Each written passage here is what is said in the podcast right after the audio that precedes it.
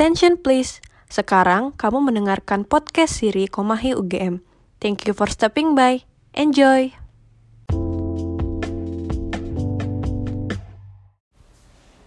Selamat pagi semuanya. Pagi semuanya, Kembali lagi di Siri.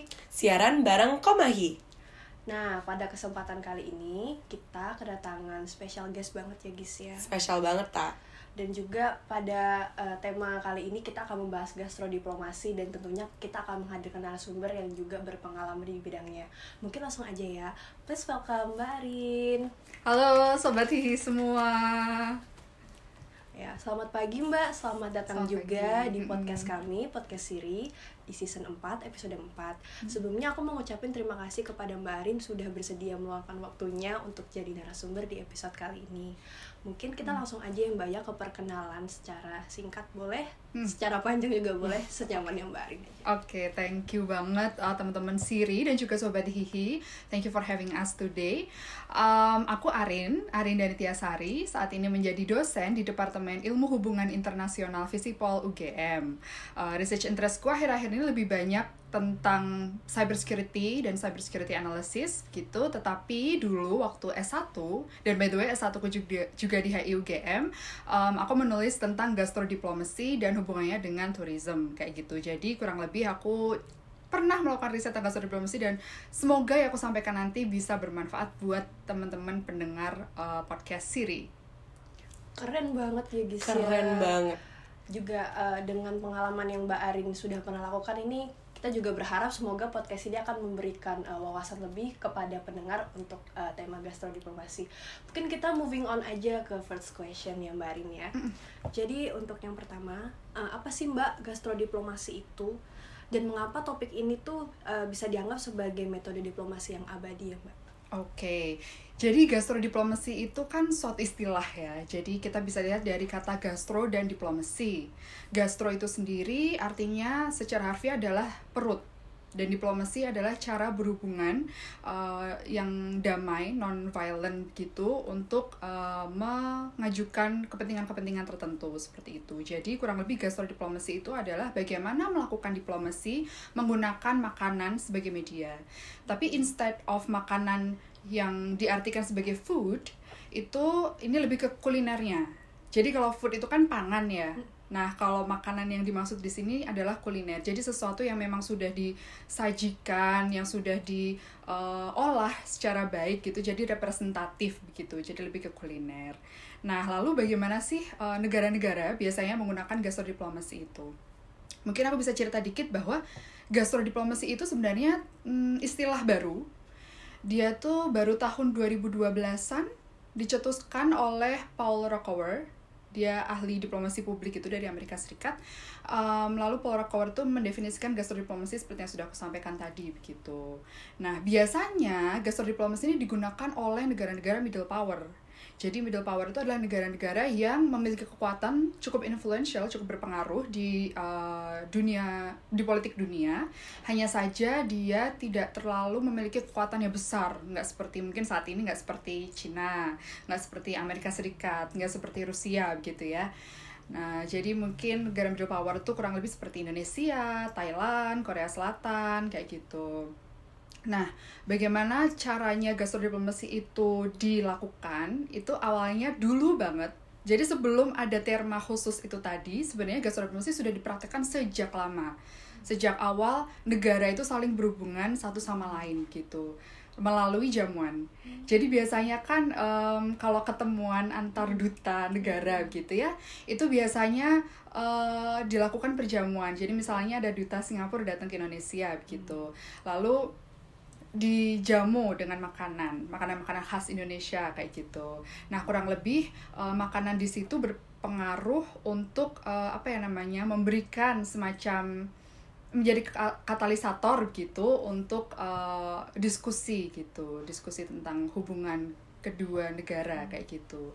Tetapi seiring berkembangnya waktu, gastrodiplomasi jatuh ke eh, ranah diplomasi publik karena sekarang ini kan publik juga berperan penting dalam berdiplomasi ya nggak hanya para diplomat nggak hanya duta aja gitu ya tetapi juga orang-orang kayak kita, kayak aku akademisi, teman-teman juga uh, sebagai mahasiswa itu juga bisa melakukan diplomasi, yakni diplomasi publik begitu kan.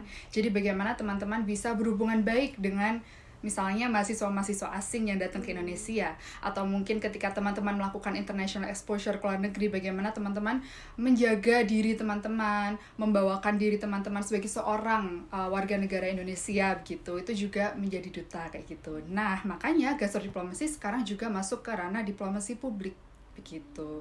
Dan diplomasi publik itu biasanya diimplementasikannya uh, misalnya melalui pameran makanan kayak gitu. Atau mungkin Korea Selatan. Korea Selatan tuh kan um, melalui K-wave-nya ya Korean Hallyu-nya itu uh, awalnya nih yang musik-musik dulu nih. Terus habis itu masuk juga drama-drama seperti itu kan.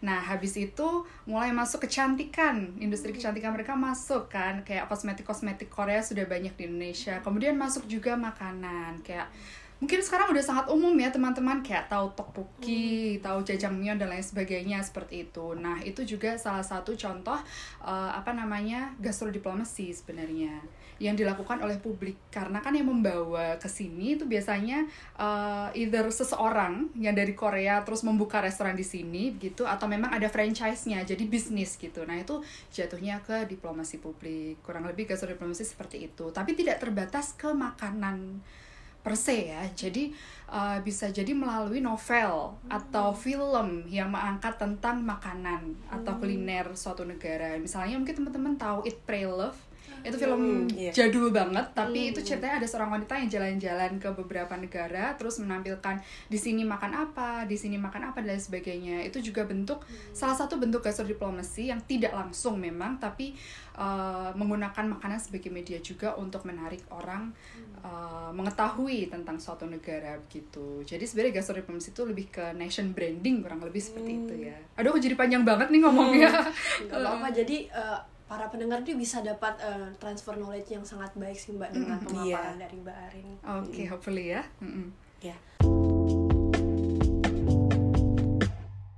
Um, ngomongin tadi tentang bagaimana sekarang kita bisa lihat bahwa Korea memperkenalkan makanan ke Indonesia mm. dan kita bisa lihat ada topoki di pinggir jalan mm. atau bahkan stand-stand makanan ya tak yes. mungkin pasti sering beli juga ngasih jajan kalau di sini di Maguwo mungkin ya mm. um, ngomongin tentang itu juga aku lihat ada orang-orang yang mencoba untuk menggabungkan mungkin ya kuliner mm. Indonesia dengan kuliner Korea persi kayak uh, topoki aku pernah lihat ada yang coba bikin topoki rasa rendang misalnya oh, okay. gitu itu ada penggabungan jadi ya mbak juga ada semacam akulturasi mungkin atau bagaimana mbak itu menurut mbak? Kalau menurut aku sebenarnya itu agak politis sih ya. Kalau dilihat dari kacamata beliau, aku melihatnya lebih ke kayak gini. Uh, makanan misalnya tadi ya contohnya topoki rasa rendang ya kita ambil contoh.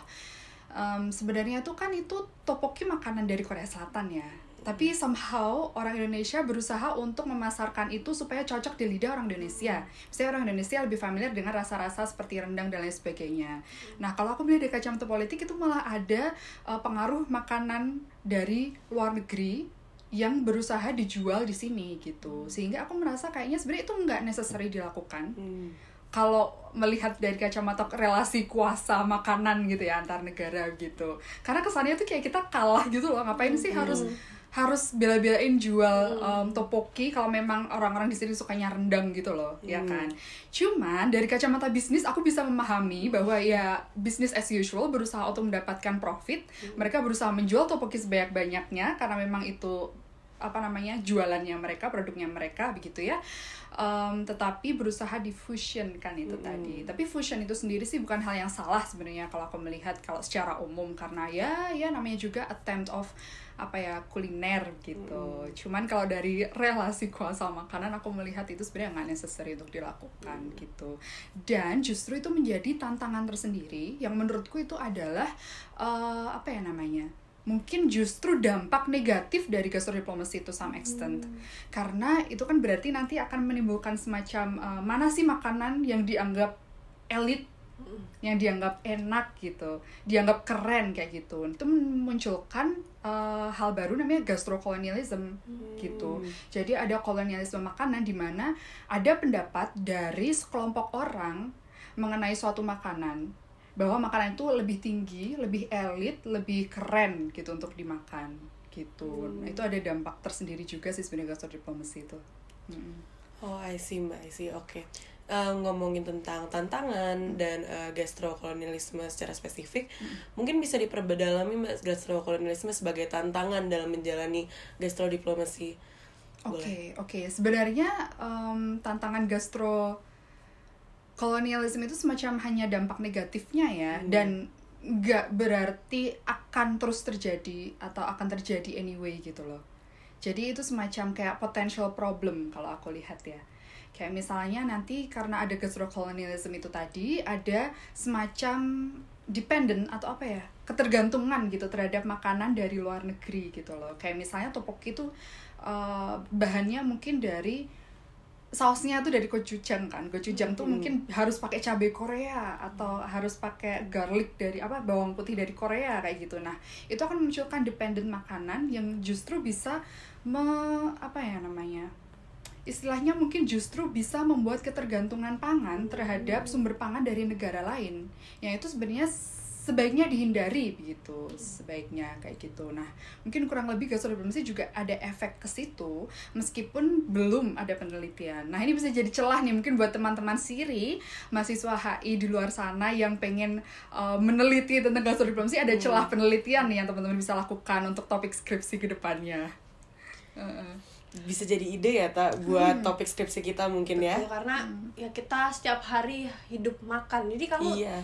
Motonya hidup untuk makan atau makan untuk hidup nih? Hmm, kayaknya kalau aku suka makan aja sih ya. makan aja ya tapi jangan lupa ya teman-teman untuk tetap makan ya karena aktivitas sehari-hari juga pasti harus ditunjang dengan makanan. Dan Yes. mungkin yang makanan itu seperti yang udah mbak Arin bilang ya itu merupakan salah satu eh, bisa dibilang eh, sebagai eh, apa ya eh, alat untuk bisa memperkenalkan kebudayaan itu juga Iya. bisa ya mbak Yep. ya apalagi Iya. kalau ada pertemuan antara berbagai negara dan pasti ada perjamuan mungkin aku juga pengen menegaskan jadi untuk bentuk gastrodiplomasi itu nggak hanya bener-bener makanan di depan mata ya mbak bisa melalui novel film ataupun media-media yang lainnya seperti itu ya Yes. Oke mungkin kita boleh eh, lanjut ke pertanyaan selanjutnya nih. Aku mau nanya sih Mbak, eh, mungkin Mbak Arin bisa boleh eh, elaborat lebih lanjut gak sih kayak kalau menurut Mbak sendiri eh, kalau dampaknya gas sorry dampak dampak negatif gastrodiplomasi itu ada nggak sih Mbak?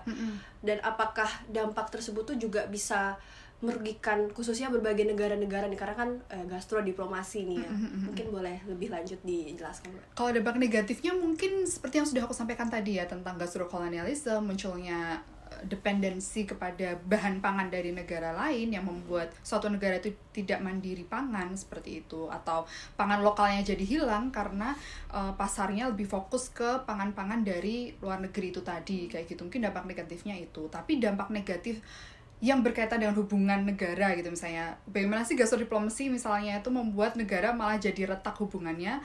Itu so far belum terlihat ya. Kecuali sebenarnya ada attempt of gastrodiplomasi di situ tapi ada insiden jadi misalnya ketika menjamu terus ada makanan basi atau makanan alergi yang belum dikonfirmasi itu bisa nih berdampak uh, kepada hubungan negara karena mungkin dianggap uh, apa usaha untuk pembunuhan gitu misalnya.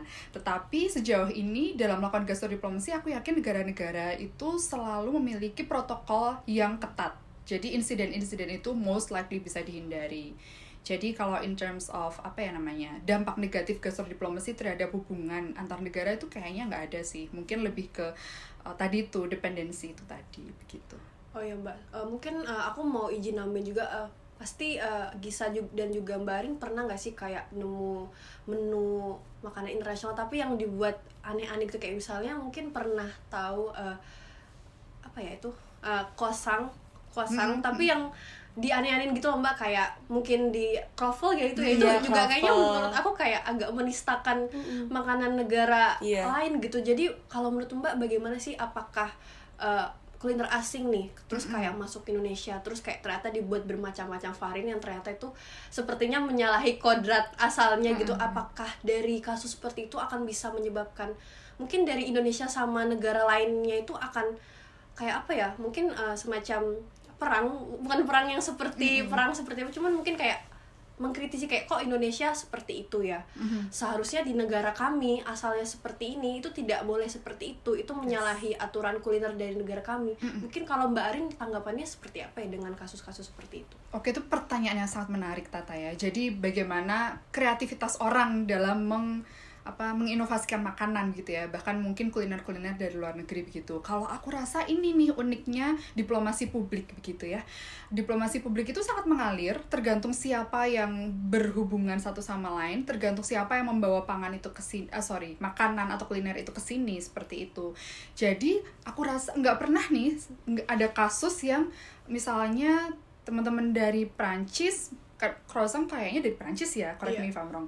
Uh, dari Prancis tuh bilang kayak ih croffle tuh nggak sahih nggak boleh tuh dimakan kayak gitu tuh salah gitu nggak ada. Karena kayak gitu tuh ya apa ya namanya ada mutual understanding harusnya bahwa ketika makananku ini mendunia ada kemungkinan ini dimiliki bersama Iya. dimiliki dalam artian uh, oke semua orang bisa berinovasi dengan itu menyesuaikan dengan lidah dan perut masing-masing kayak gitu itu nggak ada masalah sama sekali sepertinya saya rasa begitu karena ya diplomasi publik tadi itu sangat cair jadi nggak yang harus seperti ini harus seperti ini. Beda kan kalau misalnya diplomasi yang berkaitan dengan uh, misalnya humanitarian aid memberikan bantuan humaniter gitu ya.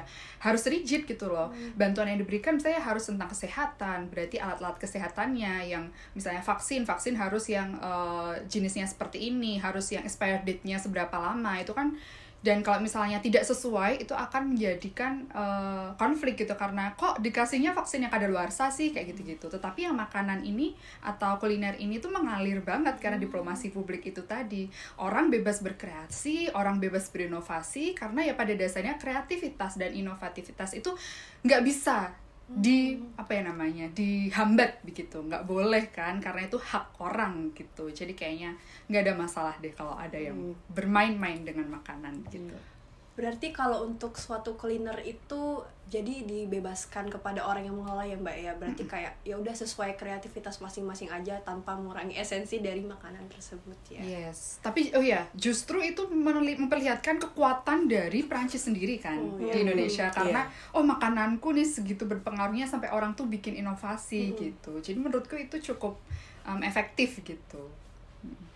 Tapi aku setuju mungkin Tata juga sering ngeliat kali ya ada orang-orang yang merasa makanan ini harusnya rasanya begini tapi malah jadinya begini terus ada konflik antar orang yang merasa dia paling ngerti makanan tersebut Iya. mungkin ya. Eh, di negara seperti Indonesia juga yang aku lihat budayanya macam-macam dengan makanan khas daerah yang emang punya ciri khas masing-masing. Mungkin let's say again kembali ke rendang let's say ya yang emang ciri khasnya pedas dari Padang gitu. Tapi kita lihat di Jogja misalnya ada rendang yang manis atau di daerah Sunda ada rendang yang juga manis gitu. Orang-orang cenderung merasa oh harusnya makanan ini seperti ini gitu ya Mbak ya. Jadi ada rasa dia em, rasa harus makanan itu sesuai dari daerah tersebut gitu ya Mbak. Yap, yap. Sebenarnya ada juga yang seperti itu model manusia, tapi nggak terus yang bikin masalah kan maksudnya. Paling cuma ada perbedaan. Rendang tuh harusnya manis, rendang harusnya pedas gitu aja kan. Mm. Oke, Em, ngomongin lagi tentang asal usul gastrodiplomasi nih mbak. Siapa diplomat yang mungkin sering mempergunakan gastrodiplomasi mbak dalam menyelesaikan konflik antar negara atau mungkin mengembangkan hubungan antar negara-negara? Kalau boleh diperjelas. Oke, mungkin aku menggarisbawahi pertanyaan yang eh, konflik itu tadi ya. Karena sebenarnya gastrodiplomasi itu adalah alat atau diplomasi yang menjadi pelengkap saja begitu. Jadi tidak bukan yang utama. Sehingga eh, untuk mengatakan gastrodiplomasi itu bisa nggak sih menyelesaikan masalah? Itu sebenarnya tidak. Misalkan konflik maksudnya tidak. Karena konflik itu sendiri kompleks, tidak bisa hanya diselesaikan dengan memberikan makanan satu sama lain gitu nggak bisa gitu. Jadi kayaknya sih kalau mempertanyakan tentang apakah gastrodiplomasi ini efektif untuk menyelesaikan konflik itu nggak nggak bisa karena gastrodiplomasi itu hanya pelengkap gitu. Jadi mungkin sifatnya hanya untuk merawat saja, merawat hubungan gitu. kurang lebih seperti itu dan kalau pertanyaan tentang siapa yang paling sering menggunakan aku rasa sebenarnya setiap negara pasti menggunakan itu untuk promosi gitu untuk membangun atau ya untuk membangun persepsi tentang negara mereka. Kayak misalnya G20 yang presidensinya Indonesia itu kan datangnya ke sini ya duta-duta atau uh, pejabat-pejabat dari luar negeri gitu kan datangnya ke Indonesia tuh. Pasti suguhannya juga makanan-makanan dari Indonesia kayak gitu. Dan ketika G20 misalnya ke India besok pasti makanannya juga makanan India. Jadi aku rasa in terms of siapa yang paling sering gitu tuh nggak bisa dikatakan karena pada umumnya makanan itu kan selalu ada ketika apa namanya uh, itu tadi pertemuan-pertemuan itu tadi sebagai bagian dari jamuan gitu. Cuman kalau di Indonesia sendiri, aku rasa Ibu Menlu Bu Retno itu cukup aktif. Jadi menggunakannya dengan promosi makanan at the same time promosi pariwisata di pameran-pameran seperti itu. Jadi pameran yang diadakan di luar-luar negeri itu di KBRI KBRI di luar negeri itu biasanya ada pameran makanan dan pariwisata dalam satu waktu yang terus orang-orang dari luar negeri sana orang lokal sana bisa datang kayak gitu. Jadi emang uh, gastrodiplomasi digunakan oleh banyak negara ya Mbak Yes. sebagai complementary tool of diplomacy ya seperti Mm-mm. Mbak bilang tadi. Yap. I see, I see. ngomong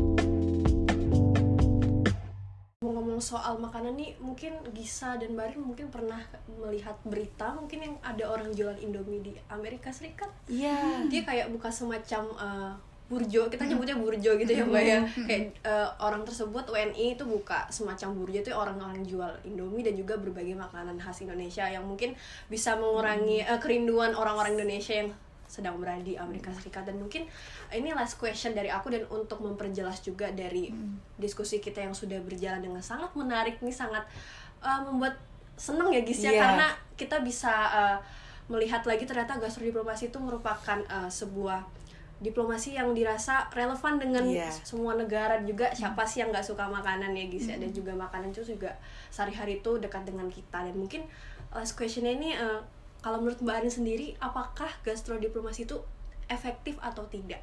Mungkin bisa diperjelas seperti itu. Wah jujur ini pertanyaan yang sangat sulit ya Sobat Hihi ya. Karena em, efektivitas itu tergantung dari goalsnya kalau aku rasa. Itu relatif.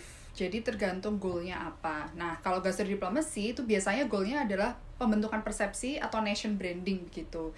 Uh, Apakah negara itu mau dikenal sebagai negara yang uh, Apa namanya Negara yang diverse misalnya. Kalau iya berarti misalnya Indonesia nih. Indonesia kan negara yang beraneka ragam ya sukunya bahasa agama dan lain sebagainya. Itu bisa dengan merepresentasikan makanan yang juga diverse. Misalnya nasi kuning. Nasi kuning kan ada nasinya. Ada misalnya eh, apa itu kering tempenya ada kacangnya. Itu kan ada banyak tapi ketika dimakan bersama-sama tuh enak gitu loh. Nah itu makanan-makanan yang bisa merepresentasikan diversity kayak gitu. Jadi tergantung eh, apa namanya goalnya apa nation branding yang mau disampaikan ke politik internasional tuh seperti apa kurang lebih begitu. Lalu eh, misalnya efektivitasnya sekali selain itu selain yang tadi aku sampaikan adalah bagaimana makanan itu bisa masuk ke list the most favorite makanan di seluruh dunia gitu. Misalnya ada list dari BBC gitu. Kayak eh, tahun ini makanan yang menurut eh, masyarakat apa namanya komunitas di luar negeri anggap enak gitu ya komunitas internasional enak itu adalah makanan rendang misalnya nomor satu. Dua nasi goreng. Kayaknya tahun berapa itu pernah didominasi loh top 10-nya oleh makanan-makanan dari Indonesia gitu. Cuman aku ya nanti bisa dicari deh bareng-bareng ha gitu. Mungkin juga kayaknya aku lupa deh tahun lalu apa tahun ini kayaknya pisang goreng mas Oh iya, iya, snack iya. paling Baru enak banget, ya. pisang Itu goreng, banget bener, ya bener, kayaknya bener. kalian kalau kamu suka pisang goreng gak guys suka banget apalagi di Jogja ya di setiap Iya. burjo pasti ada hampir lah hampir beberapa burjo pasti ada pisang goreng pakai susu kental manis atau meses ya enak banget sih aku rasa kalau mbak Rin sendiri gimana nih pisang goreng suka nggak mbak oh pisang goreng top sih top banget enak kalau pisang gorengnya lebih suka yang kayak polosan gitu aja atau ada tambahan toppingnya gitu mbak. Wah, aku sukanya yang ori aja deh. ori yang aja yang ya otentik. yang ori aja udah enak banget ya guys iya bener banget tak wah menarik banget sih guys banget tak kamu seneng gak sih? Aku seneng banget kita udah ngomongin tentang gastrodiplomasi, asal usulnya, dampak negatifnya, apakah gastrodiplomasi efektif atau tidak, dan bahkan ngomongin pisang goreng juga ya. Jadi emang kita udah membicarakan sangat eh, banyak hal hari ini gitu. jadi lapar gak sih ngomongin Iya. ngomongin pisang goreng nasi goreng dan juga rendang tadi beda kamu udah sarapan belum sih Udah, kan tadi sama kamu tanya aku iya. sarapannya. sarapan festival gratis ya teman-teman kalau mbak Arin sendiri tadi pagi sarapan apa nih mbak Alhamdulillah udah sarapan. Alhamdulillah menunya apa nih mbak kalau boleh tahu Oh, kebetulan aku tergastrodiplomasikan oleh Turki nih makan kebab. Waduh, nikmat banget nih Nikmat. kayaknya ya. Masya Allah. Masya Allah. Oke teman-teman, sekian juga dari podcast kita episode kali ini. Aku sama Gisa eh, senang banget bisa menghadirkan Mbak Arin sebagai narasumber ini karena menurut aku gastrodiplomasi itu topik yang menarik banget dan mungkin eh, pendengar eh, podcast kami juga mungkin merasa seperti itu dan semoga aku dan Gisa berharap semoga transfer knowledge yang sudah Mbak Arin lakukan tuh akan sampai kepada kalian dan kalian juga senang mendengarnya. Oke, mungkin aku sekali lagi mau bilang terima kasih juga untuk Mbak Arin yang sudah menyediakan waktunya untuk hadir di uh, sesi podcast kami kali ini. Uh, dan juga semoga Mbak Arin ke depannya juga semakin semangat ya Mbak untuk mengajar ya. Thank you Aku banget. banget Mbak Arin baru memulai karir sebagai dosen dan aku Yes. berharap ke depannya Mbak Arin akan semakin banyak melakukan penelitian yang tentunya akan sangat bermanfaat bagi mahasiswa HI. Amin, amin, insya Allah. Oke, terima kasih teman-teman sudah mendengarkan podcast kami. Aku dan Gisa pamit. Dadah. Dadah.